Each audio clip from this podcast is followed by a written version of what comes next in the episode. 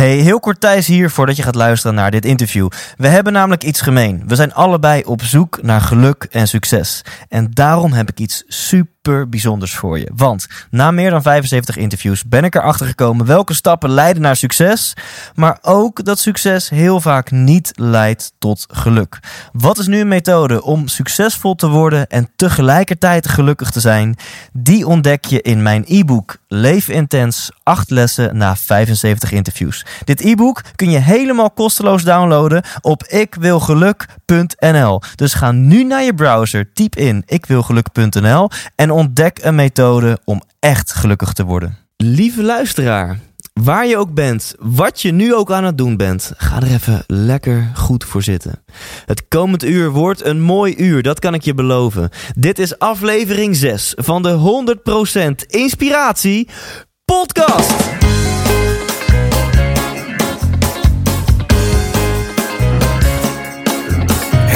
Goed dat je luistert. Hij staat weer voor je klaar.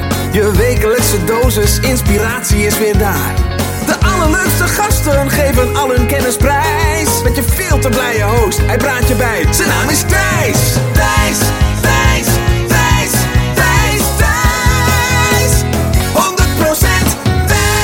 Ja, je bent beland in een kerstverse aflevering, een hele bijzondere aflevering. Ik ga niemand minder interviewen dan Jos Burgers. En ik kan je beloven, uit de grond van mijn hart, Jos gaat jou komend uur gegarandeerd inspireren, aan het lachen maken en tot nadenken zetten. En nu zul je je afvragen, wie is Jos Burgers dan? Ehm, ja, laat ik eens vertellen hoe ik hem heb ontmoet. Dat is zo'n twee jaar geleden. Toen ging ik naar een seminar van Robert Cialdini.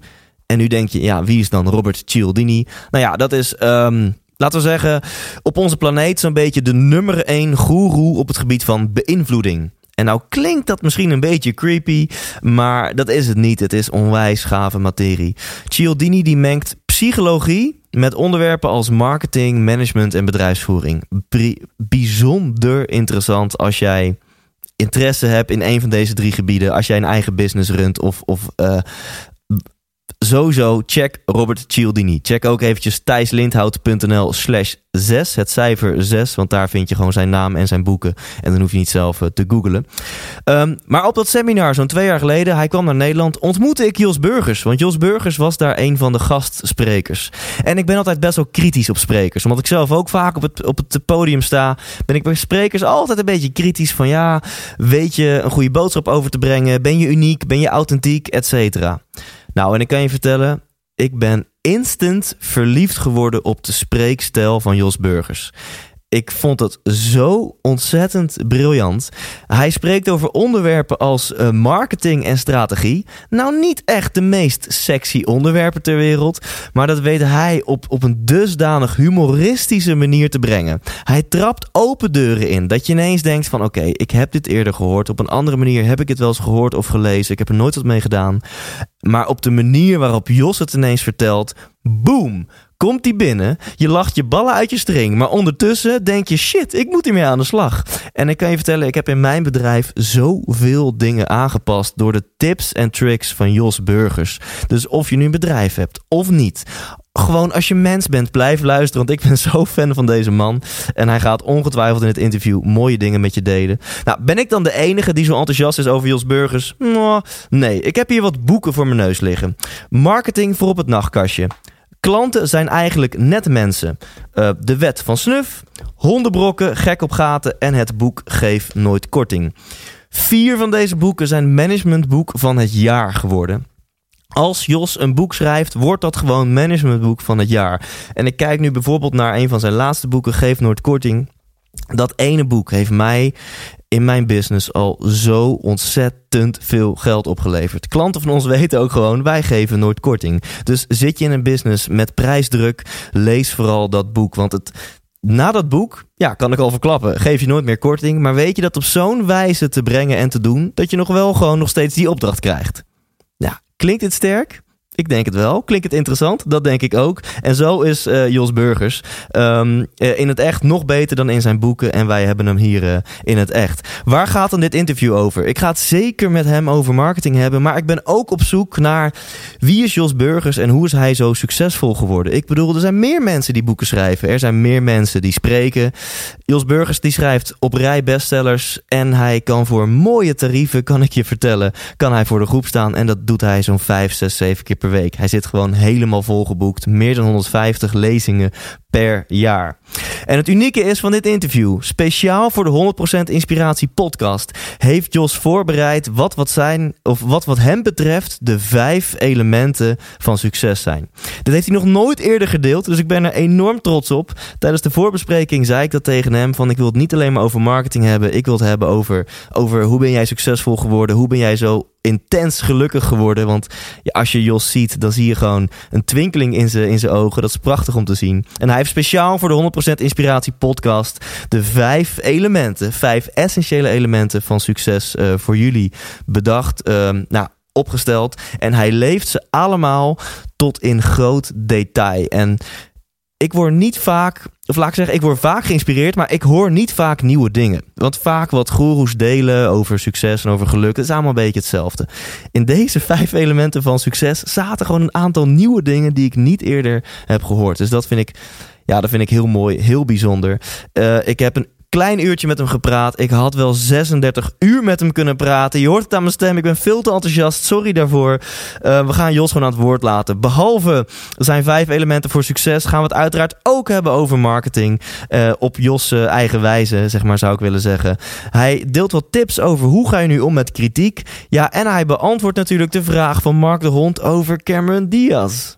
Ja, wat hij erop gaat zeggen, dat, uh, dat ga je zo meteen meemaken. En aan het einde geeft hij ook een vraag door. Wie dan de volgende persoon wordt, dat weet ik nog niet. Maar ik deel aan het einde van deze podcast wel een aantal mensen die ik nog ga interviewen. En dat is een lijst waar ik extreem trots op ben. Dus blijf luisteren. Blijf deze podcast gewoon elke week checken. Maandagochtend staat er een nieuwe aflevering voor je klaar. En nu geniet intens van het gesprek met Jos Burgers. 100% Jos Burgers, grote eer dat je hier zit en dat je wil meewerken aan dit interview. En um, nou, ik ben al een tijdje fan van jou, maar misschien weet niet iedereen wie Jos Burgers is en, uh, en, en wat je allemaal doet. Dus voordat we echt zeg maar, de, de moeilijke marketingvraagstukken wil uh, wil ik eerst van jou vragen, wil je eens wat vertellen over wie, wie is Jos Burgers en, uh, en wat doe jij zoal? Ja, wie is Jos Burgers? Brabander.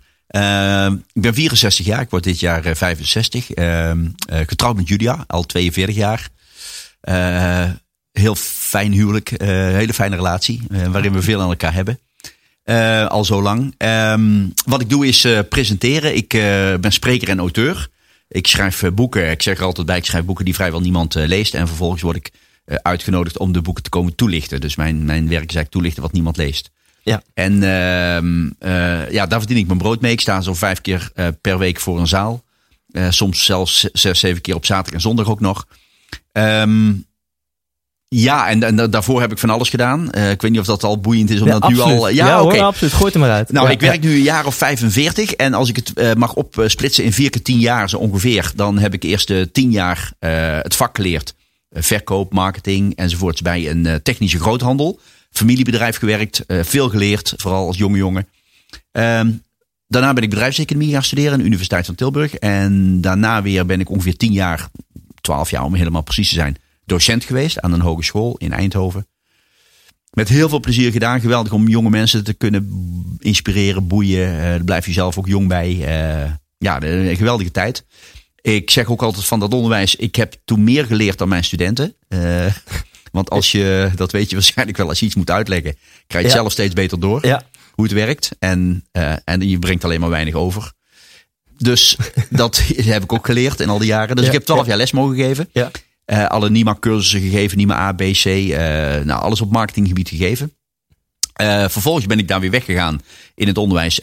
adviesbureau gestart. Dus ik heb 10, 12 jaar ongeveer bedrijven geholpen. Met coaching, plannen maken, dat soort werk. Um, en nu de laatste 10 jaar, 12 jaar ongeveer. Uh, gestopt toen met advieswerk. Uh, ik spreek alleen nog maar. En dat doe ik nu ook alweer een jaar of 10, 12. Dus zo'n vier keer 10 jaar ongeveer ja. is mijn loopbaan. En dit vind ik Dat heel, is- dat, dat is wat je nu dus doet. Hè? Je, Ja. je, je praat je geld bij elkaar. Klopt. Hè? Ja. Vind- ik Ongelooflijk dat ja, mensen er zoveel geld voor over hebben. Maar ja, Ik vind het een prachtig concept. Ja. En je, hebt dus, ja, je deelt je carrière mooi in in vier, eh, vier decades, zeg maar. Ja. En is het nou zo dat je dan eigenlijk altijd al vanaf het begin wist... ik wil het liefst spreker worden? Of veranderde je interessegebied elke tien jaar... waardoor je elke tien jaar dacht... hé, hey, maar nu krijg ik hier meer energie van... ja je, je, je loopt tegen dingen aan. Eh, je, er doen zich plotseling kansen voor. En het leven is ook wel een klein beetje toeval. Eh, we gaan het er straks nog over hebben, begrijp ik, van wat nou eh, maakt dat je succesvol bent in je leven of niet. Hè? Ja. Dus daar Ja. heb ik eh, Ja. me even op voorbereid, daar Oké, even goed over oh, leuk. nagedacht. Ja? Ja, ja. Ik, Oh. heb, vijf, ik heb vijf eh, aspecten. Die naar mijn ik, ik kan idee, heel niet wachten. die naar mijn idee Ja, ja. cruciaal zijn. ja. Eh, en het gekke is van die vijf aspecten is één is geluk. En dat klinkt misschien een beetje raar. Je zegt, Mhm. ja, geluk, dat is al een beetje heel simpel. Maar je moet ook tegen de juiste dingen aanlopen. Ik hoorde jouw podcast interview met Remco Klaassen. Kan ik iedereen overigens van harte aanbevelen. En, ehm, en daar ging het dus over dat jij zei, ja, ik, ik werk bij een, bij, bij een ingenieursbureau. En op enig moment eh, kwam Remco Klaassen in beeld. En een collega ging geld eh, verzamelen om te maken dat wij hem binnen konden halen. Ja. Ja, en toen heb je dus in die zin het geluk gehad om hem te ontmoeten en met hem eens een dag mee te maken en denken, wauw, eh, hier wil ik meer van. Dit Ja. proeft naar meer. Dit Ja. smaakt naar meer. En, ehm, en dan is dat een beetje geluk. En ik geef wel eens het voorbeeld, ja, Michael van Gerwen, die is heel goed in pijltjes gooien. Ja.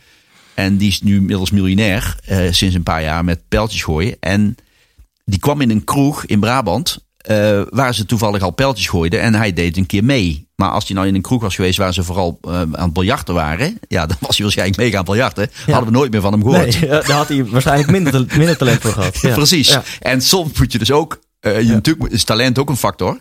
Maar geluk ook. En je moet op het juiste moment ergens tegenaan lopen. Nou, zo geldt bijvoorbeeld voor mij. Dat toen ik bijna klaar was met mijn studie. eh, economie. Ik was 35, bijna 35. En eh, toen kreeg ik een telefoontje. Of ik interesse had om docent te worden aan zo'n hogeschool. Want eh, ze hadden van mij gehoord dat ik bedrijfservaring had. praktijk- praktijkervaring dus. Dat ik en econo- econoom was inmiddels. En Ja. didactische wat dingen had gedaan. Ja. Dus men dacht, hé, hey, die man willen wij wel hebben. Dus ik kreeg een telefoontje. En anders, als ik dat niet had gehad, had ik er nooit aan gedacht, aan het onderwijs. Was ik Ja. die kant nooit opgegaan. Ook van spreken misschien niet. Ja. En was ik gewoon bedrijfsleven ingegaan en dan, nou ja, verder bedrijfsleven. Yes. En ja, niet dat ik dan nu niet eh, succesvol of niet gelukkig was geweest, want dat weet ik niet. Mhm. Maar ik wil maar zeggen, geluk is wel, ja, er moeten ook dingen op je pad komen. Ja. En je, je zegt het heel mooi. En het is misschien wat, wat bescheidenheid. Want eh, oké, als dat telefoontje niet was gekomen, dan, dan was je misschien niet het onderwijs ingegaan. Maar ik denk wel dat daaronder een, een bepaalde levensopvatting ligt. Een bepaald aantal leefregels. Dat je een bepaalde standaard voor jezelf hebt. Van nou, ik neem geen genoegen met een job die energie kost.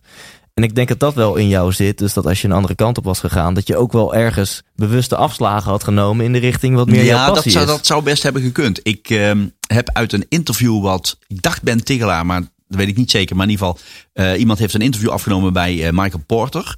En, Ja. eh, en, en gezegd van, ehm, wat maakt nou grote bedrijven succesvol? Bedrijven als Apple, Google, Facebook, noem maar op.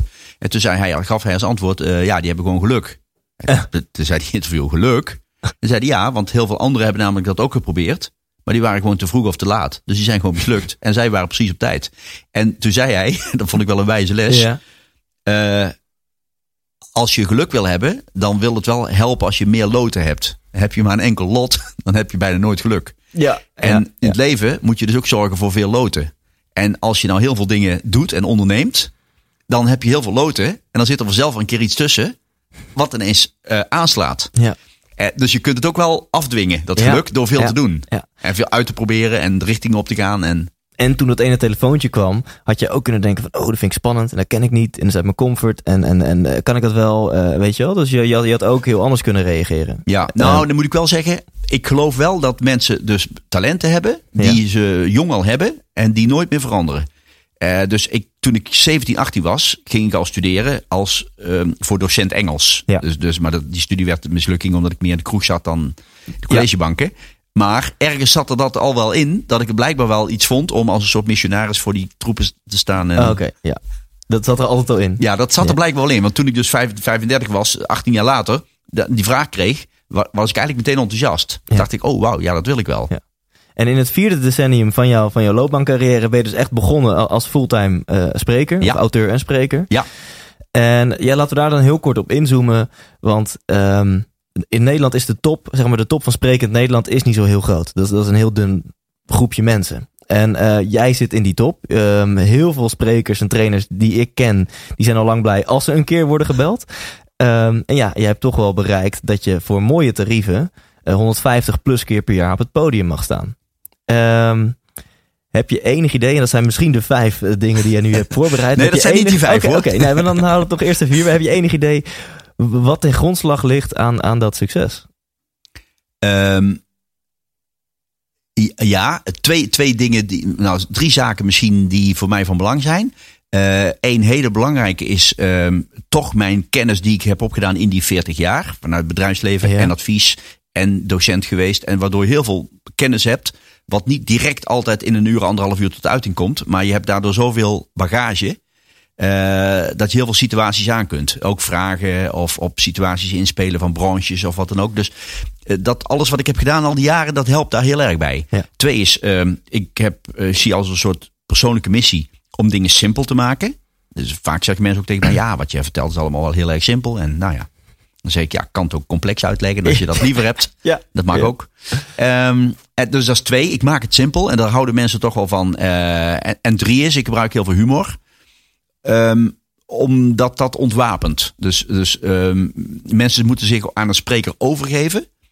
Voordat ze zich overgeven aan jouw boodschap. En als ze jou niet pikken als spreker, pikken ze zeker de boodschap niet. Ja. Ja. Eh, dus er is, ehm, ik heb altijd vijf of tien minuten nodig in het begin van, eh, om te maken dat ze mij accepteren. Ja. En dan accepteren. En humor helpt daar heel erg bij. Dus ik stel me ook vrij kwetsbaar op. Ja. Vrij, ehm, vrij snel in het begin al. Ja. Ehm, dus om, eens om een voorbeeld te geven. Tegenwoordig zeg ik vaak. eh, als ik begin. Ja, ik hoop niet dat u heel veel eh, verwachting heeft van mij. Van mijn verhaal vanmiddag. Want ik heb de afgelopen jaar heb ik ook al gesproken voor eh, de Schoenenreus. En voor Halfords. En eh de Harense Smit en OAT. En die zijn er allemaal niet meer. en, eh, en dan begint de zaal meestal te lachen. Ja. Ik zeg dus, dus dat u niet te veel hoop op mij vestigt. En het grappige is dat mensen daar zich daardoor eerder nog overgeven. En zeggen, nou, kom maar op met je verhaal, ik ben benieuwd. ja, het is ook gewoon een, een soort van sprekerstruc. Ja, het is ja. eh, zorgen dat ze jou accepteren. Heb je toevallig ook voor de V&D wel eens gesproken dan? Nog niet. Want, nee, dat is net, het lukte net niet meer. Nee, nee, precies. Ja. Maar dat is Ja. dus, eh, er zijn drie factoren. Ja. En de vierde is misschien ook nog, ik gebruik graag metaforen, verhalen, maar dusdanig dat mensen ze na jaren nog weten. Ja. En dat vind ik natuurlijk geweldig als mensen na vijf, zes, zeven jaar, als ik ze tegenkom, zeggen: Oh, die boren en die gaten, daar hebben wij het nog altijd hierover op de zaak elke dag. Of, of mijn laatste boekje, De Wet van Snuf, dat men zegt: Ja, men heeft het hier regelmatig over die Wet van Snuf. En nou, dat vind ik natuurlijk mooi, want dan heb ik iets achtergelaten. Ja. En dan is er iets gebeurd in de hoofden van mensen. Ja. En hoe is het dan zo ontstaan dat jij dus niet, zoals Remco zou zeggen, met, met detaildiarree komt, maar dat je heel geamuseerd eh, kunt, kunt spreken? Hoe is dat ontstaan dat, dat je met humor bent gaan werken en dat je het, het simpel bent gaan maken en je kwetsbaar bent gaan opstellen? Ja, misschien wel ehm, omdat dit bij mij past. Ja. Ik ben. eh, humor heb ik mijn hele leven al wel gehad. Dat ik dat belangrijk vind. Ja. eh, richting vrienden en zo. Dus dat heb Ja, ik al wel gehad. Ik hou ook toch wel van simpel. Misschien komt dat ook omdat ik tien jaar lang heb gewerkt in de bout en de moeren. Terwijl ik nog niet had gestudeerd. Dus dan, dan, dan heb je zoiets van ja, we zitten hier eh, met 48.000 producten. En die moeten we gewoon kwijt. En, nou, en moeilijker is het niet. En daar blijf je rest, rest van je leven wel vrij eenvoudig van omdat je dan gewoon ja, die focus hebt.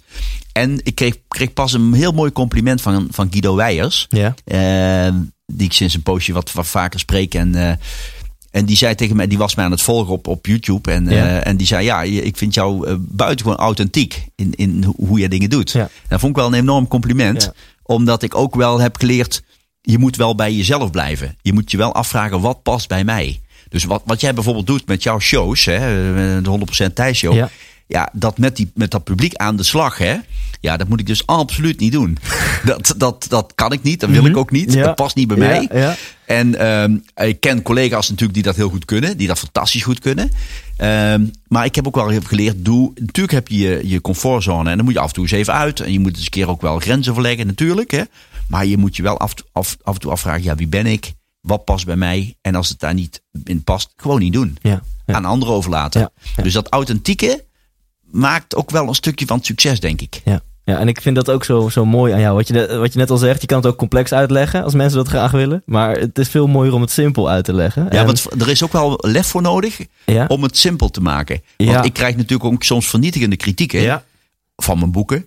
Of ik krijg bijvoorbeeld een zaal met... eh, ja, ik, dan heb je wel eens van executive weekenden. Dan zitten ze in eh, Duin en Kruidberg in Zandpoort of zoiets. Weet je, twee dagen heel eh, duur.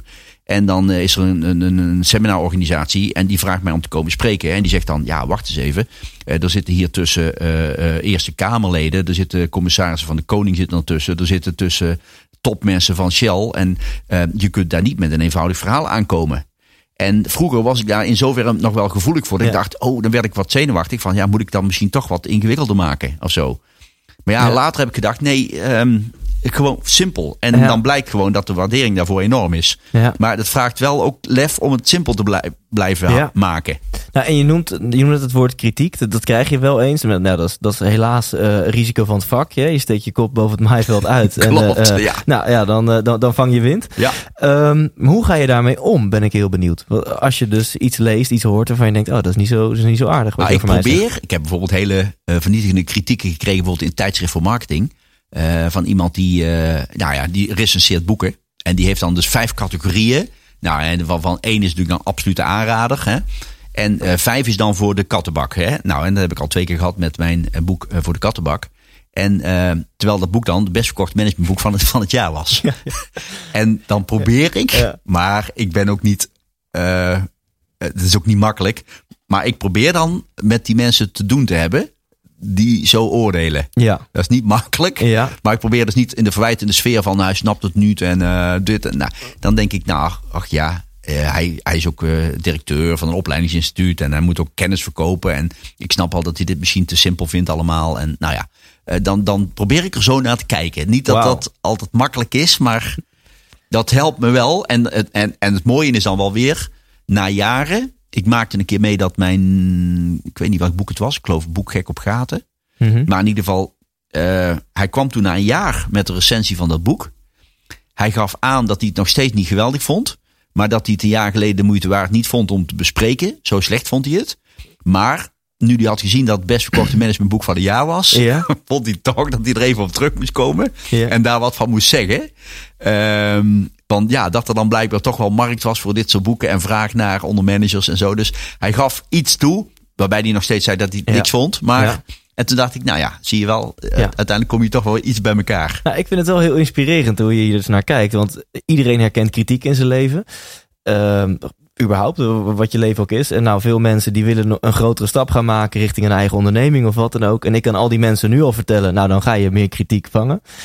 Ehm, en jouw advies is, ik, ik, ja, probeer, ehm, je, zei bijna, ik heb medelijden met hem. Of, eh, ja. Ja. of, of, ehm, Ik heb, ik heb, eh, ik heb veel gelezen in mijn leven. En, en ik, of het nu uit de boeken van Stephen Covey is, weet ik niet. Maar ik weet soms niet meer precies Ja. welke, welke bron.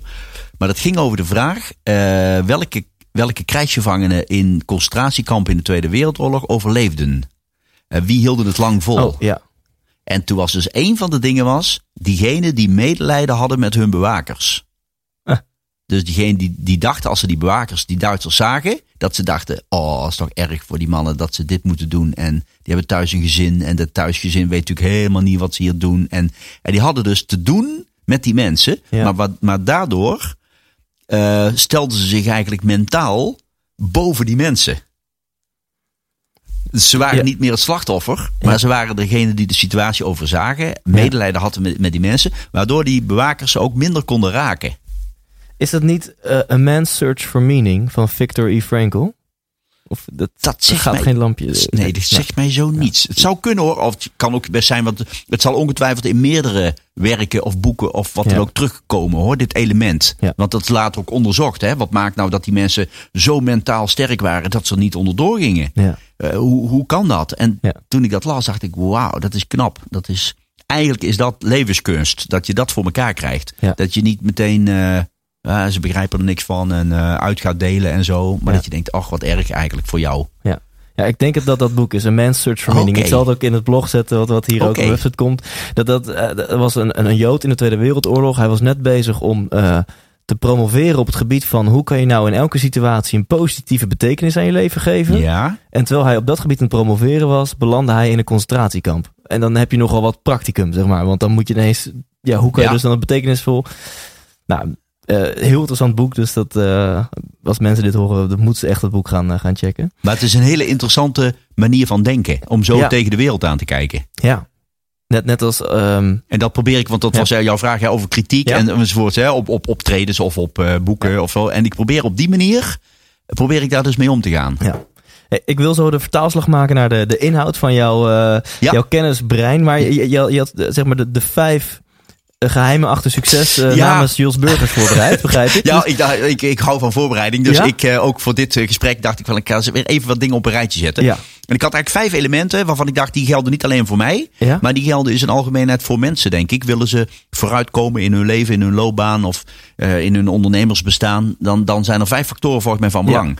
En ehm, nou, die, die, die ene heb ik dus al, al, al genoemd, dat is dat geluk. Hè? Want je moet dus natuurlijk ook op het juiste moment ergens tegenaan lopen. Maar dat kun je wel, dat geluk een beetje afdwingen. Ja. Ja, door veel dingen te doen. En dan loop je vanzelf ergens een keertje ook wel met je neus tegenaan. Maar je loopt ook ergens eh, eh, eh, tegen kansen aan, zal ik maar zeggen, die jou eh, geboden worden. Nou, tweede is natuurlijk talent. Je moet natuurlijk iets kunnen. Er Ja. zijn ook dingen die heb je van nature en die heb je van nature niet. Eh, ik heb van mezelf geleerd bijvoorbeeld ja, samenwerken. Daar hou ik bijvoorbeeld niet zo van. Eh, ik doe liefst dingen alleen. Gewoon klaar. En eh, ik hou wel van mensen, maar, maar dat samenwerken, dat, dat ligt me bijvoorbeeld niet zo. En nou, ik heb een talent voor schrijven, voor spreken, voor. Nou, dus je moet natuurlijk bepaalde talenten hebben. Ja, Eh, dat is twee. Drie is, en dat is een hele. Ja, maar dat is gewoon hard werken. Er wordt te vaak gedacht dat het dan op enig moment gewoon vanzelf gaat. Ja. Nou, ik heb, jij hebt ook Remco gesproken. Ik weet ook aan wat jij zelf doet. Er gebeurt ook ongelooflijk veel achter de schermen wat mensen allemaal niet zien. Eh, wat, Ja. wat mensen niet in de gaten hebben. Ja. Die denken, oh, dat is lekker makkelijk wat hij doet. Ja. Even een uurtje, anderhalf uur. Remco, wat hij allemaal aan kennis heeft verzameld. Ja, daar komt wel bij kijken. Ehm, ook het hard werken van, wat, wat Remco ook vertelde, tien jaar lang gewoon dingen doen. En maar doorgaan voor kleine zaaltjes of voor niks. Nou, dat soort werk. Ik, ik ben vroeger ook heel lang gaan spreken, gewoon voor een fles wijn. En dan mocht ik überhaupt blij zijn dat ik mocht komen. Eh, voor een fles wijn. En eh, dan dacht ik, nou, maakt niet uit. Dan kan ik me laten zien.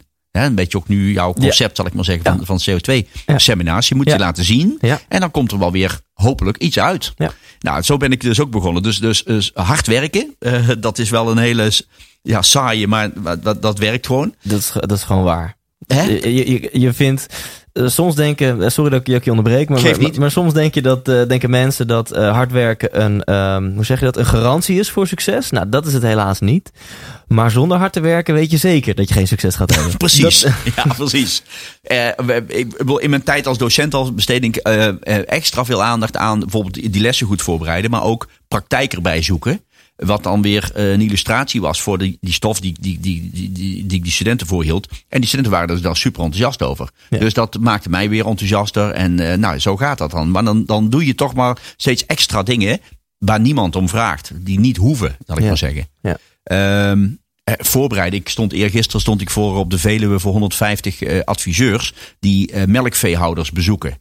Nou, eh, ja, wat ga ik dan doen een maand van tevoren? Elk artikeltje over melkquota en mestquotum en noem maar op. Ja, die scheur ik even uit, eh, bewaren. En als ik het ga voorbereiden een dag van tevoren, ja, dan die dag erop weet ik heel veel van melkveehouders. En mestquota, dat die mensen denken, wauw, dat hij daar zoveel van weet. Ja. Maar ja, dat is gewoon werk. eh, wat je doet achter de schermen. Ja. En wat, ik, wat, wat niet hoeft. Je kunt ook zeggen, ik ga er naartoe en ik ga mijn verhalen vertellen en ik, ik geloof het wel. Ja. En ik zie dus ook sprekers die eh, ja, niet zoveel werk hebben. Of mij dan zeggen, mocht je een keer niet kunnen, laat het mij weten. Ja, waarvan ik dan wel hoor van opdrachtgevers. Hij kwam hier langs, maar hij had geen idee wat wij überhaupt deden. En dan denk ik, ja, dat hou je niet vol. Dat is Ja. gewoon simpel geld Ja. verdienen. Maar zo zit het leven niet in elkaar. Nee. Dus, dus, dus hard werken. Eh, en dan zijn er nog twee factoren. Dus naast talent, geluk en, en hard werken. ehm, jezelf kennen. En weten waar je beperkingen liggen en, en je, je, je mogelijkheden liggen. Maar ook jezelf leren kennen in de loop der jaren. Ik heb, ehm, ik zei zojuist al, hè, eh, samenwerken ben ik niet zo geweldig goed in. Maar wat ik ook absoluut niet kan, is managen. En ik ben in mijn leven een paar keer die kant op geduwd van richting managen. Omdat ze dachten, hij is ergens goed in. En eh, Ja. een, een aardige vent kan redelijk goed met mensen omgaan. Nou, maak hem maar manager. Ja. eh, dus dan was ik ad- adjunct hoofd van een studierichting en zo. En dan had ik de avondopleiding en zo. Maar uiteindelijk kwam ik erachter, dat- dat- daar ligt helemaal mijn, mijn kracht niet. En daar krijg ik geen energie van. Dus ik heb, ik heb in mijn leven, ik heb dat van Jan van Zetten, heb ik dat ook geleerd. Ik heb met Jan samen veel gedaan. Ja. Ehm, eh, Jan heeft altijd over de, de, de drijfveren. Hè? Wat, wat, wat, wat, wat zijn nou, eh, waar draai jij op, zal ik maar zeggen, als mens? En ik heb ontdekt dat dat er bij mij drie zijn. En vanaf het moment dat ik die had ontdekt, gaf dat heel veel richting aan Ja. mijn beslissingen Ja. om de goede kant op te gaan. en eh, die drie, dat, nou, één is, ik ben heel erg eh, van controle. Eh, ik, ik hou heel, vind ik zalig, controle hebben. Ja. Nou, dat maakt natuurlijk al dat je vooral niet moet gaan managen. Want Nee, als je ergens geen controle over hebt, is het al overal die mensen die je aanstuurt. Hè? Ja. Dus ik hou heel erg van controle. Enorm hou ik van vrijheid. Dus, dus zonder anderen en zelf alleen wat doen. Mhm. En drie is waardering. Dus, dus nog meer, liever dan waardering dan geld. Om Ja. een voorbeeld te geven. Ja. Ja. en die drie elementen, waardoor ik mezelf beter heb leren kennen in al die jaren. Die maken, he- hebben bijvoorbeeld gezorgd voor een aantal beslissingen in mijn loopbaan. Die mij ook verder helpen. Eh, bijvoorbeeld, ik doe geen Engelstalige presentaties meer. Want dat geeft vrij weinig eh, controle, gevoel van controle. Zeker als je veel humor gebruikt. Eh, Zo, zeker. dat is heel Zeker, moeilijk. Ja. En eh, waardering is dan minder dan wanneer ik het in het Nederlands doe. Dus ik dacht, dan stop ik daar gewoon Ja. mee. En ik, ik kan me ook voorstellen dat je dan minder vrijheid ervaart. Precies. Hè? Want je bent, Klopt, je verbaal bent niet- ben je een beetje ja, gevangen. Je bent ja. gevangen. Ja. Ja. Eh, boeken schrijven met een ander doe ik niet meer. Ja. Ik word nergens commissaris. Ik wil nergens in de raad van advies. Ik wil nergens in de raad van toezicht. Ook al brengt dat geld op, maar geld zit niet bij die drie. Eh, waardering is ook gewoon nul van als je in de raad van commissarissen zit. Want niemand ziet het en weet het en eh, je hebt er niks aan. Ja. Ehm, dus ik ben met die drie factoren heb ik, ben ik heel erg geholpen bij alle soorten besluiten die op mijn pad komen. Ga ik dat wel doen? Ga ik dat niet doen? Ja. Ehm, en, dus, en dat bedoel ik dus met jezelf kennen. Weet waar je goed in bent, waar je niet goed in Ja, bent. Ik vind dit echt extreem inspirerend. Ik krijg hier echt energie van. Ja? Want dit is zo fijn ook als je die drie of vijf of zes, als je die punten voor jezelf op een rijtje hebt. Want anders moet je keuzes maken in het moment. En je hebt net eventjes, voel je niet lekker of voel je juist heel goed, waardoor je te overenthousiast. En als je gewoon voor jezelf die, ja, dat stukje introspectie hebt gehad. En eigenlijk een soort van checklistje voor ja, jezelf ja, hebt. precies. Dan heb je gewoon je eigen gids. Ja, En dan- drie hele simpele dingen. ja, dus komt er een nieuwe opportunity op je pad of Ja. wat dan ook. En dan Ja, je nee, hey, past dit, pop, pop, eh, pop, die ja. drie. Ja, dat, dat zou iedereen moeten hebben. Ja, eh, Toch? klopt. Dat, Ja. dat gun ik iedereen om daar eens een keer gewoon ja, Ja. bij stil te staan. En eh, ik zeg altijd door, door, de, door de seminars ook die ik met Jan samen heb gedaan. eh, Jan vertelt dat aan de zaal. En ja, dan zit je zelf natuurlijk ook op dat moment even in het publiek. En toen dacht ik van ja, moet ik voor mezelf ook eens even op een rijtje zetten. En daar ben ik op uitgekomen. Dat, dat heeft me wel heel erg geholpen. Ik doe bijvoorbeeld ook nooit dagvoorzitterschappen. En mensen denken, als jij kunt spreken, dan kun je het ook wel aan elkaar praten. Maar dat is een ander vak. Ja. Want je hebt dan gewoon vrij weinig controle over het geheel. Nou, de waardering is een stuk minder, want ja, je mag het aan elkaar praten. Dat Ja. is je vak. Ja. En sommigen zijn daar heel goed in. Ja. Dus ik zat pas bij, bij Astrid Joosten in een programma. Nou, die kon dan geweldig goed. Volgende week zit ik eind volgende week bij Paul de Leeuw in een programma. Nou, die praten dat aan elkaar. Nou, die kunnen dat fantastisch. Maar dan zie ik dat gebeuren. Ben Tikkelaar, nou, een kanjer. Ja. Maar dan denk ik, ja, Jos, dat is jouw vak niet. Dus dat moet je ook gewoon niet willen. Prachtig. Ik, ik zelf doe het ook wel eens. En ik moet zeggen, ik vind, ik vind het best leuk, omdat ik misschien gewoon zo podiumgeil ben. Dat alles, als ik daar maar mag staan, dan heb ik het naar mijn zin. Ja. Maar het is echt hard werken. In ieder geval voor mij. Ik heb een slecht geheugen. Ik onthoud geen namen. Dus ik heb 600 van die spreekkaartjes in mijn handen en tijdschema's en zo. En toen was ik toevallig bij een programma wat binnenkort op tv komt. En dat wordt gepresenteerd door Bo van Ervendorens. Oké. En toen zag ik hem in actie. En hij heeft natuurlijk ook met 600 dingen rekening te houden. Met een regisseur in zijn oor en met tijdschema's. En in die camera dit. En de kandidaten moeten zo. En je moet niet naar voren leunen. Want eh, weet, weet ik voor hoeveel, met hoeveel details hij rekening moet houden. Maar hij stond daar super relaxed. In control. Beetje nonchalant. Zo. dat ik echt denk, wauw. hoe- hoe- Zo kan het ook. Zo kan het ook, ja. Eh, maar dit was punt 4 geloof ik, hè? Ja, dat ken klopt. je zelf. Ja, Ja, ja, klopt. we gaan terug naar Klopt. eh, het Heel uurtje goed, van heel Jos. goed. Ja. Ja, en het vijfde element is, ehm, ik, noem dat, ik heb dat even onder het kopje relaties en gunnen. Je, komt heel veel, je kunt nooit iets helemaal alleen natuurlijk. Je hebt andere mensen nodig die jou een keer een, een, een job gunnen, een kans gunnen. Een, een- nou ja. en, ehm, en ik merk gewoon dat ik wel een behoorlijke gunfactor heb. Ja. En ik zie heel veel mensen die dat op de een of andere manier niet hebben. Waarbij ik denk, oh, dat je dat niet snapt. Dat dat zo niet werkt. Eh, en dat heeft vaak te maken met zich onvoldoende kunnen verplaatsen in een ander. Dus als iemand eh, eh, tegen mij, eh, die drie factoren die ik zojuist noemde. Hè, als iemand tegen mij zegt van, ik kom iemand ergens tegen en die zegt van, ja, ik zit in die en die business en ik heb jou zien optreden en wij moeten eens een keer afspreken. Ja, dan denk ik, wij moeten helemaal niks. En dan, dan is bij Ja. mij al alles weg zo ongeveer. Ja. Want A, ik voel dan niet de waardering van dat iemand zegt van... nou, ik zou het nou zo leuk vinden om een, een keertje een uurtje met jou te bomen over. Hè? Ja. En dan geeft dat al iets van waardering. Dan, dan zeg ik al eerder ja. En B, ik wil graag eh, iets van vrijheid en controle. En als iemand zegt je moet, nou, dan, dan is bij mij al alles, eh, eh, alles staat overeind wat overeind kan staan. Dus dan, dan gaat er niks gebeuren. En ik merk gewoon dat een aantal mensen heeft dat, die, dat niet om, om die relaties goed te... En dan denk ik, ja, je gaat zo niet verder komen. En ik moet zeggen dat ik met... Ja. Ja, ik, word natuurlijk, ik ben inmiddels re- redelijk oud. Maar ik merk ook dat veel jongeren daar soms wat gemakzuchtig in zijn. Dus eh, ik twee, vo- twee voorbeelden van afgelopen week. Ja. Ik krijg heel veel verzoeken van mensen. Van, van, voor van alles en nog wat. Van interviews, een columnje schrijven, een voorwoord schrijven, een quote op een boek. Helpen met nadenken over hoe schrijf je een boek, hoe word je spreker. Nou, 101 vragen krijg ik door het jaar heen. Ik probeer als enigszins kan die mensen te helpen. Ik krijg afgelopen week bijvoorbeeld nou, twee verzoeken. Iemand die, is, eh, die schrijft, eh, ik ben eh, zelfstandig schilder geworden voor mezelf. En ja, en ik zit nu met de vraag, hoe kom ik aan klanten? Heeft u misschien tips? Nou, ja, dan denk je, ja, tips, ja. Nou, vooruit. Dus ik ga zitten voor een mailtje. Ik Ja. doe er vijf, zes eh, documentjes nog bij met tips die ik allemaal in mijn computer heb staan. Want ik, heb, ik ben nogal van controle, dus ik heb heel veel gerubriceerd, heel veel materiaal. Ja. En eh, dus ik zeg, nou, denk eens aan dit, denk eens aan dat. Ik doe nog tip bij voor een boekje, simpel boekje wat daarover gaat, voor kleine zelfstandigen. En nog wat documentje klaar. Ja, hoor ik niks meer op. En, en dan denk ik, die man zal het, die, die gaat het nooit redden. Nee. Want die snapt niet Ja. eens Ja. dat alles gewoon begint met te zeggen: Hé, hey, dankjewel, daar ga ik eens naar kijken. Wat aardig van je dat je even de tijd hebt genomen. Die snapt dat niet eens. Ja. Dus die gaat het nooit redden. Die is alleen maar bezig met halen. Ehm, een andere eh, jongen die was aan het afstuderen en die moesten een bedrijfje oprichten zelf. Dus die ging, hadden een heel nieuw eh, leesboek bedacht voor kinderen. En, nou ja. En die schrijft: eh, Kunnen u een keertje interviewen voor dat boek voor allerlei tips? Want die wilde dan PR gaan creëren. Ja.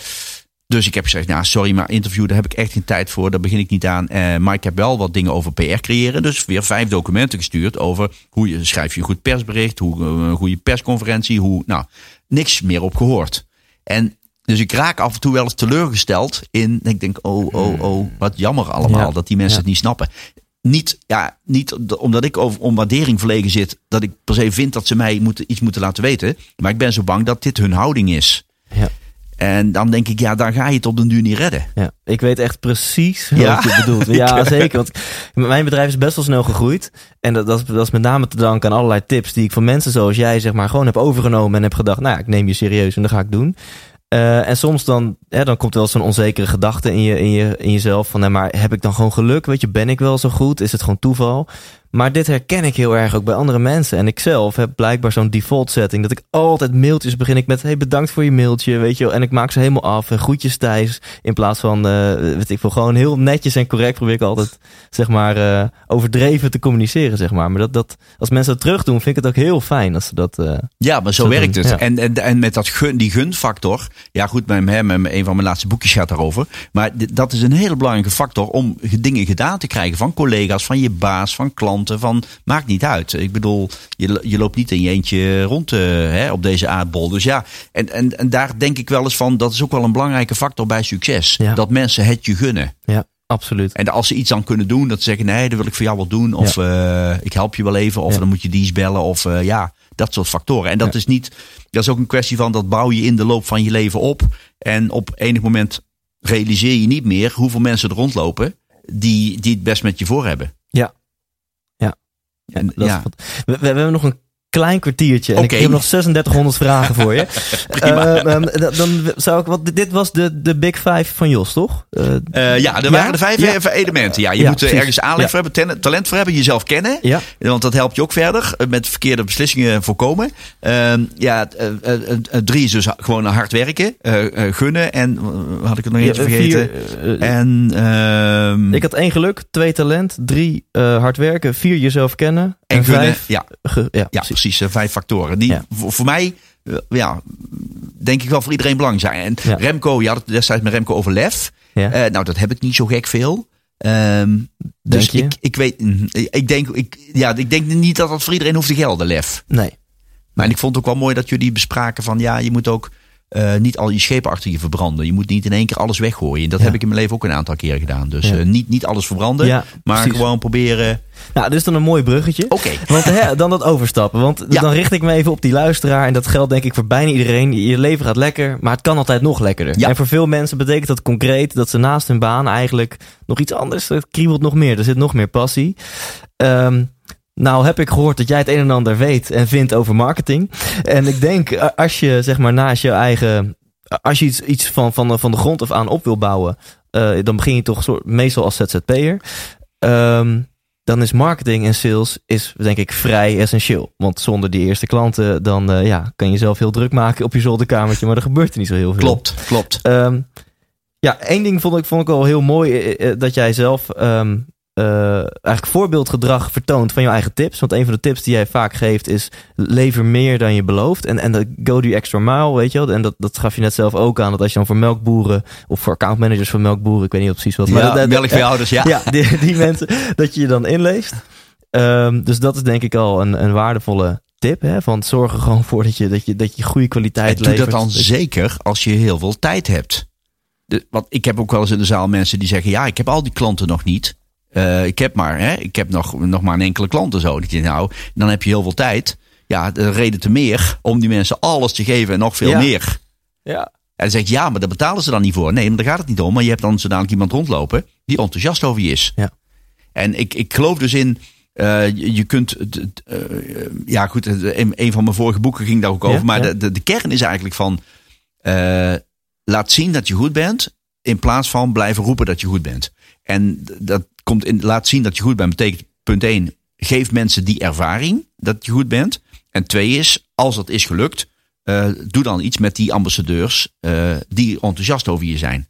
Nou, dat zijn voor mij twee hele belangrijke pijlers. En de mindere pijlers zijn dus eh, ja, een mooie brochure, en een leuke website en een leuk visitekaartje en een mooi logo. En nou, fijn, al die uiterlijkheden waar je niet zoveel mee Ja. opschiet. Vaak willen mensen dat het eerst helemaal perfect Ja, is. Hè? klopt. En pas als het perfect is, Ja. dat is het dus nooit, Ja. eh, gaan ze beginnen. Ja, ja. klopt. Ja, en jij zegt, nou, als je begint, dan heb je één eh, eh, bijzonder ding meer dan, dan als je later misschien succes hebt. En dat is tijd. Ja. dus die tijd die je nu nog wel hebt, Ja. gebruik die om, om extreme Al kwaliteit. doe je het gratis. Want dat heb ik zelf ook gedaan. Ja. Remco Klaassen heeft dat ook gedaan, hoorde ik in de podcast. En Ja. die, die heeft gewoon gezegd, ja, ik trommel gewoon vrienden en kennis op en buren en iedereen moet gewoon komen. En desnoods moet ik er lekker gewoon geld bij, als ze maar komen en mij meemaken. Ja. Nou, maar dan ben je bezig met te laten zien dat je goed bent. In plaats van, ja, roepen dat je goed bent. En dat is wel een hele simpele, maar dat, dat is wel één factor. De tweede factor is, eh, waar ik heel erg in geloof, is ehm, je profileert je naar buiten. Je, je, vertelt op een netwerkbal op verjaardag wat je doet. eh, daar staat iets op je website. eh, nou. En veel mensen profileren zich te breed. Ja, Die, die kunnen zogenaamd alles, of heel veel in elk geval. En naarmate je aangeeft meer te kunnen, eh, neemt de geloofwaardigheid van jou af. En naarmate je zegt minder te kunnen, eh, ne- neemt de geloofwaardigheid toe. Denken Ja. mensen, oh, oh, als je alleen maar daar goed in bent, nou, dat kan ik me best voorstellen. Maar als je zegt, ik kan en dat, en dat, en dat. Ik ben en trainer, en coach, en adviseur. En ik, nou, dan denken ze, ja, wat kun je eigenlijk niet? hetzelfde geldt voor restaurants, hè? Waar ze dan een kaart hebben dat je denkt van Ja, zo, Klopt, jullie dat zou het allemaal eh, kunnen hier. Ja, Klopt, ja. dat, dat kan onmogelijk vers zijn, denk Ja, je dan, toch? Precies, ja. Ja. En, en mensen willen, willen dus vaak te veel. En denken van ja, maar je weet nooit, er komt misschien nog iemand langs. En ehm, die sla ik dan aan de haak omdat ik dat ook nog op mijn website zet. Ja, maar Dus mensen zijn bang om te kiezen. klopt. En, en ik, ja, ik noem het wel eens kiezen om gekozen te worden. Hè? Ja. Als je niet kiest, word jij niet gekozen. Ja. Eh, en dat lijkt makkelijk, maar kiezen geeft kiespijn. En daarom doen mensen het niet. Ja. Dan denken, nou, laat ik maar gewoon een beetje breed houden. Ja, ja. Dus eh, één, eh, zeg je, creëer ambassadeurs. Hè? Zorg ervoor dat, je, dat je... Steek alsjeblieft je tijd, geld en energie in het creëren van die eerste paar fans. Dan in het creëren van een perfect visitekaartje. Precies, Ja. ja. Twee, zeg je, eh, ehm, ehm, maak het heel specifiek. Dus, dus maak een keuze waarvan je wel en waarvan je niet bent. Ja, en klopt. En drie is dus geef een ervaring. Ja. Waar, waar je maar kunt. Ja. Dus, dus ehm, toen ik zelf een adviesbureau begon en wij eh, eh, bijvoorbeeld klanttevredenheidsonderzoeken eh, maakten voor bedrijven. Nou, dan ga je dat verkopen. En dan denkt de klant, ja, wat ga ik dan straks precies krijgen? Geen idee. Nou, wat we dan deden, dan namen wij al een rapportje mee voor dat bedrijf. Een klanttevredenheidsonderzoek, uitgeprint rapport van de resultaten.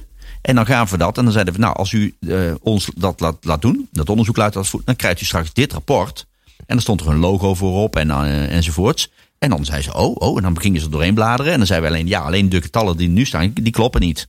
Dus ja, u krijgt dan stuk straks echt gewoon een rapport met de goede getallen. Die, staan, die er nou in staan, dat zijn zomaar fake getallen. Ja. En dan, dat maakte nieuwsgierig. En dan dachten mensen, oh, nou, zo'n rapport, dat wil ik eigenlijk straks wel hebben. Ja. Maar dan maak je het nog iets meer tastbaar.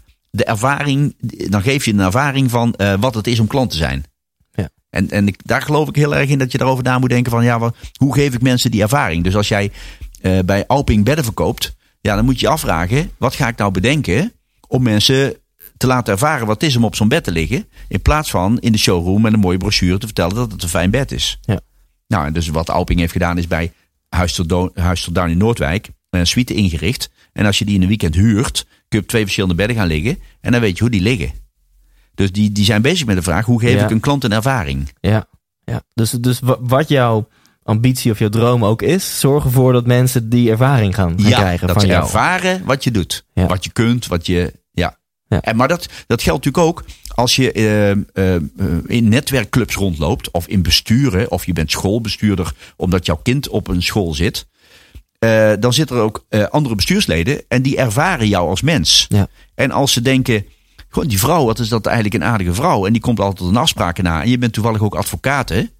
Ja, dan zullen ze denken als ze iemand nodig hebben. Nou, laten we haar maar vragen. Want ze is A aardig. B, ze Ja. komt er afspraken na. Nou, dan zal ze als advocaat ook wel... eh, Ja.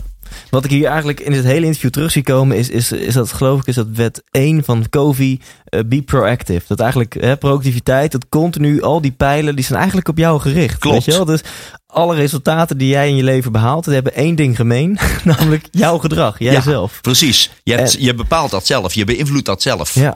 Dus als jij niet betrouwbaar bent en niet aardig bent en dan ineens het raar vindt dat mensen, als je een business begint, dat mensen niet zo snel aan jou denken, hè, dan kan je heel zagrijnig worden en een slachtofferrol jezelf aannemen en gaan zeiken op andere mensen en de wereld en waarom bla bla bla. Of je kunt eh, kijken van hé, hey, waar, waar zit een element van mijn gedrag eh, Klopt. hierin? En ik merk heel vaak dat dat verplaatsen in die ander en dat die ervaring geven. Ja, dat mensen dat nog niet altijd goed doorhebben. En mensen doen het met, met de beste bedoelingen hoor, daar niet van. Ja. Maar ehm, ik denk wel eens, ze stellen zich dan toch wat te weinig open voor signalen uit de omgeving. Om te, een ander heel eenvoudig voorbeeld. Hè? Ik heb wel eens collega's eh, waarnaar ik verwijs, omdat ik dan niet kan. Eh, dan ga ik naar een collega verwijzen, nou, die is daar goed in. Wat gebeurt er dan? Dan die collega van mij, die is daar dan blij mee. Maar die gaat mij dan bijvoorbeeld bellen of mailen. En zegt, eh, dankjewel, want hartstikke leuk. Je hebt me aanbevolen daar en daar en daar. En het gaat ook door. Dus ik ga daar spreken.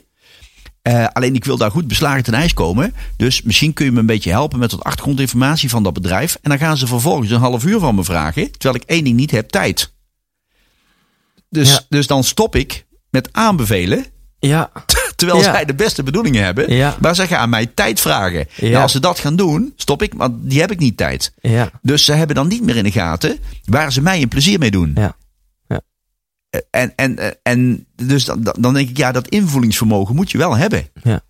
Vind ik mooi. De- Ook, ook hier Ik- zie je weer dat je voor jezelf volgens mij heel duidelijk bepaalde leefregels hebt. Van, van wie ben ik, wie is als burgers en hoe moet ik leven om mezelf gelukkig te houden. Ja, kijk, ik, ik wil, ja zeker. En ik wil natuurlijk wel mensen helpen. Want ik, ik, ik krijg heel veel vragen. En als het even een half uurtje, ik aanstaande maandag om zes of dinsdag om zes uur, heb ik weer een, aan de lijn een student, een half uur, drie kwartier, die zit met een vraag. En nou, die kan ik even helpen telefonisch. Dus nou, die help ik. Ja. Dus, maar als ik collega's heb en die ik help, die dan elke keer bij mij terugkomen en, me van, en mij van mijn werk afhouden, zal ik maar zeggen. Ja, dan denk Ja. ik, ho, maar dit is niet de bedoeling. Ja, ja, snap ik. Ik ga je onder spot zetten. Als Helemaal dat mag. goed. Je, je Ja, houdt zeker. controle, maar die ben je volledig kwijt nu, komende nee, vijf ik minuten. laat alles los. Ja, nou niet alles hoop ik hier.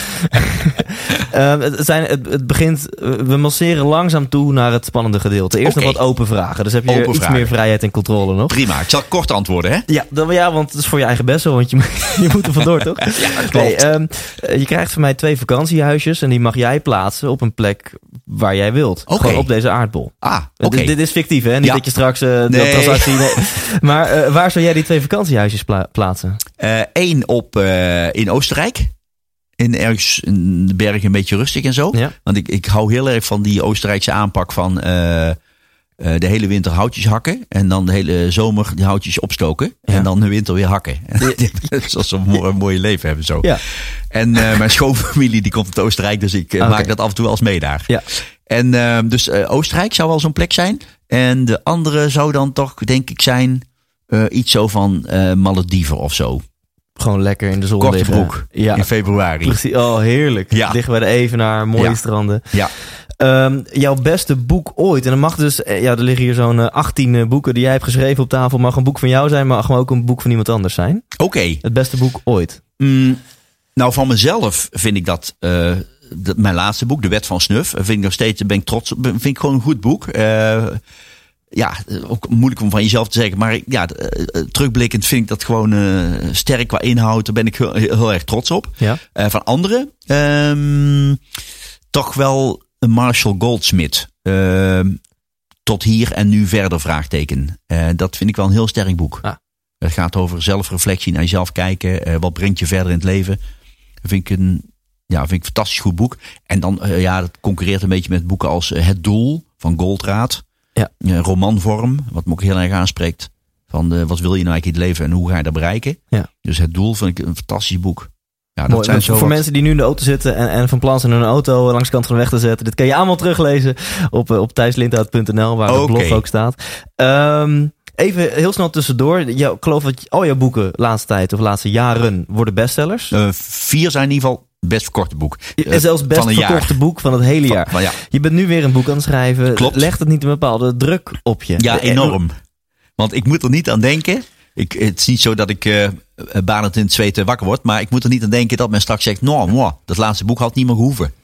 Dat, dat is toch een Maar voortdurende ga je, dan, angst. ga je dan anders schrijven? nou, omdat- dat niet. Maar je gaat wel eh, alles uit de kast halen... om elk hoofdstukje top te laten zijn. En, en Dus je gebruikt het eigenlijk gewoon om, om ook echt weer een meesterwerkje neer te leggen. Ja, want je, let, je, je legt voor, die, voor jezelf die lat toch natuurlijk op dat niveau. Ja. Van eh, ja, ik heb dat nu een paar keer bereikt. En ik moet er nu niet aan denken dat er straks zo'n kleurloos boekje is wat niemand ziet en waar niemand naar Ja. omkijkt. Ja.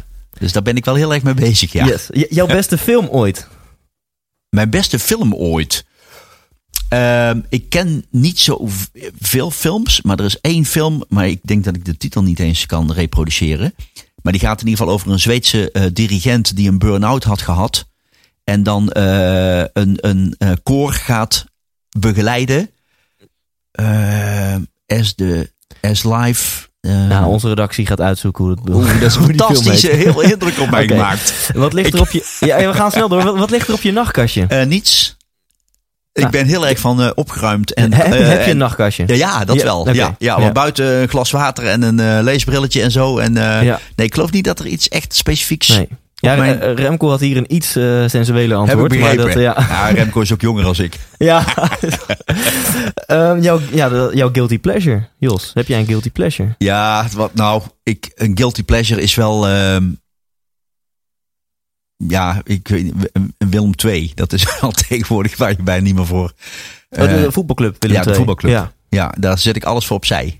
Oké, dat ja, die, dus ja. eh, zeg ik ook eh, ja, presentaties voor af. Of zeg ik gewoon nee tegen presentaties. Of daar plannen we ook de vakanties op. Of ja, daar ben ik wel echt Ja. heel erg mee bezig. En nu moet ik binnenkort ergens een keer presenteren waarbij ze dan s'avonds ook moeten spelen. En dan zit ik altijd te denken, oh, hoe kan ik die laptop in de auto met tv? En dat ik het dan toch nog, nou ja, dan... Ja. Dat is wel Ja, ja. iets waar ik, ja... ehm, jouw favoriete auto? Eh, ik ben niet zo'n niet zo'n autofreak, maar de auto die ik nu heb, eh, ja, die kan ik eigenlijk maar niet wegdoen. Eh, daar hou ik wel heel erg Ja, van. Ik heb is? nu een Saab 95 eh, Aero, zo'n zo'n eh, zo'n nieuwste, zal ik Ja. maar zeggen, waarvan er maar een paar van de band zijn gekomen Wow. bij Saab. En Ja. dat vind ik wel zo'n fijne auto. Ja. En dus daar kan ik nu op dit moment heel moeilijk afstand Yes. van doen. Eh, maak deze zin af. Deze vrouw schop ik niet uit mijn bed. Ja, ja Julia. je op een 1, eerlijk of 2 een en beleefd 3. antwoord? Ja, oké, prachtig. Oké, het echte onderspot gedeelte. Eh, ochtend of nacht? nacht. Bestuurder of passagier? Eh, bestuurder. Groene smoothie of Engels ontbijt? Engels ontbijt. Naakt of pyjama? Pyjama. Kamperen of all-inclusive? Eh, all inclusive. Oké. Eh, klassieke muziek of death metal? Klassiek. Eh, nooit meer seks of nooit meer muziek? Dan maar nooit meer muziek. Ja. ehm, hutje op de hei of herenhuis aan de gracht? Hutje op de hei. Wilde, wilde tijger of Russische dwerghamster? ja. De dwerghamster. nou ja, Malediven of IJsland? Eh, Malediven. Ehm, basic fit of personal trainer? Basic fit. Eh, maandagochtend yoga of vrijdagmiddag borrel? Vrijdagmiddag. Ja, risico's nemen of op veilig spelen? Veilig spelen. Eh, geld maakt gelukkig of geld maakt ongelukkig? Gelukkig. R- Richard Branson of Steve Jobs? Branson. Ehm, Justin Timberlake of Justin Bieber? Ehm, Timberlake. Ja. Ehm, focus op de toekomst of focus op het hier en nu? Eh, hier en nu. Ja. Hier en nu. Ja. Genieten van de weg er naartoe of genieten van het eindresultaat? Van de weg er naartoe probeer ik. Probe- ja, Ja. Ik vind het zo mooi. Remco is Niet ook zo al een werkgebiedje van me. En eh, iedereen die... die Je Ja. hebt je persoonlijke uitdagingen, hè, Ja. waarvan je denkt van, oh, ik zou nog meer willen van, die, van dit of van dat. Maar ik eh, ga een vraag erbij pakken. oké, En die is van eh, niemand minder dan Mark de Hond. oké. Die, die, die vergt een korte toelichting. Eh, zijn guilty pleasure is dat hij Cameron Diaz eigenlijk al heel zijn leven een keer wil ontmoeten. En nog wel meer dingen geloof ik met haar wil doen. Maar dat is hem nooit gelukt. Ja, En toen we bij dit punt aankwamen in dat interview. En ik zei tegen hem, de volgende die ik ga interviewen is Jos Burgers. Heb je een vraag voor hem? Toen kon hij het niet laten om eh, een, een, ja, iets uit dat interview terug te laten komen in die vraag. Dus ik heb hem opgenomen voor je. Hij komt er nu aan.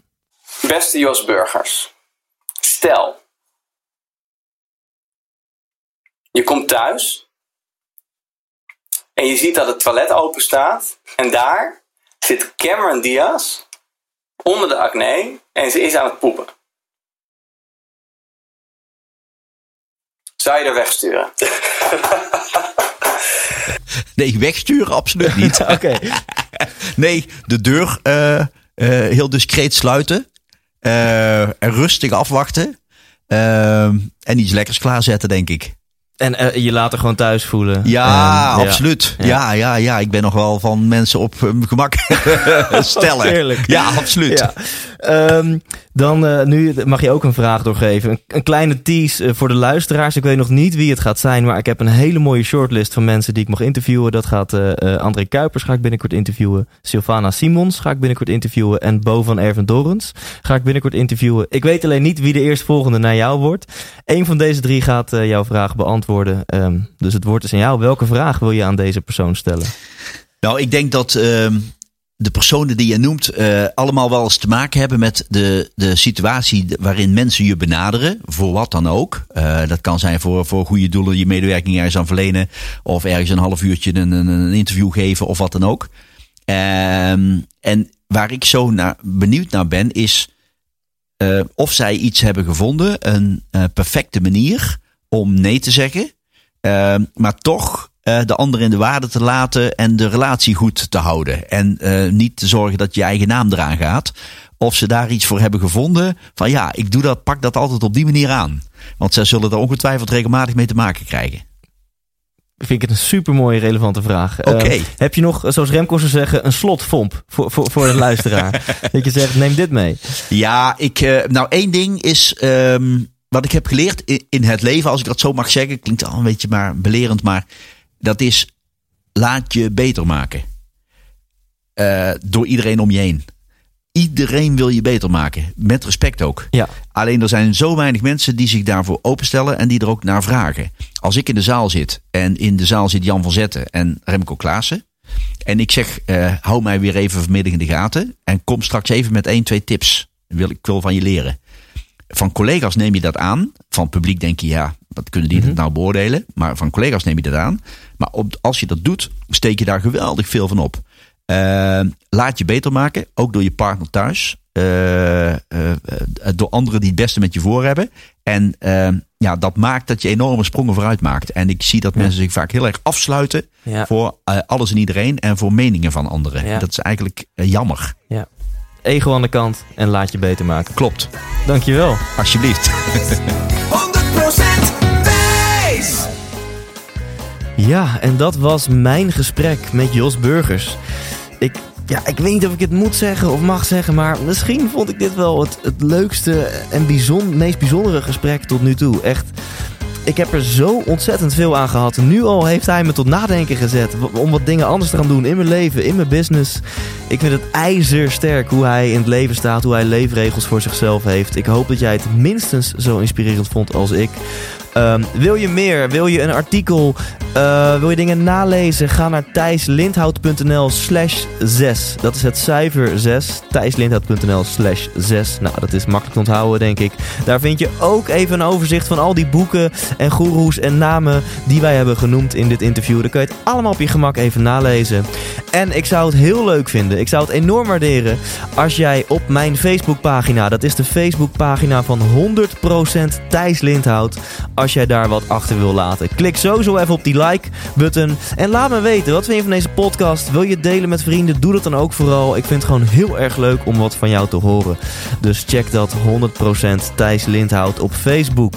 Volgende week, maandagochtend, staat er weer een nieuwe aflevering voor je klaar om je week goed te beginnen. Hopelijk tot dan en onthoud, leef intens. Hey, Thijs hier nog even heel kort. Als je dit interview hebt geluisterd, dan ben je net zo'n gelukstijgertje als ik. En dan is er maar één ding wat je nu het allerbeste kunt doen. Namelijk gaan naar ikwilgeluk.nl, want daar download je helemaal kosteloos mijn e-book en ontdek je wat wel en niet gelukkig maakt. Oftewel, bespaar jezelf een hele hoop ellende van het zelf proberen uit te vogelen en ga nu naar ikwilgeluk.nl.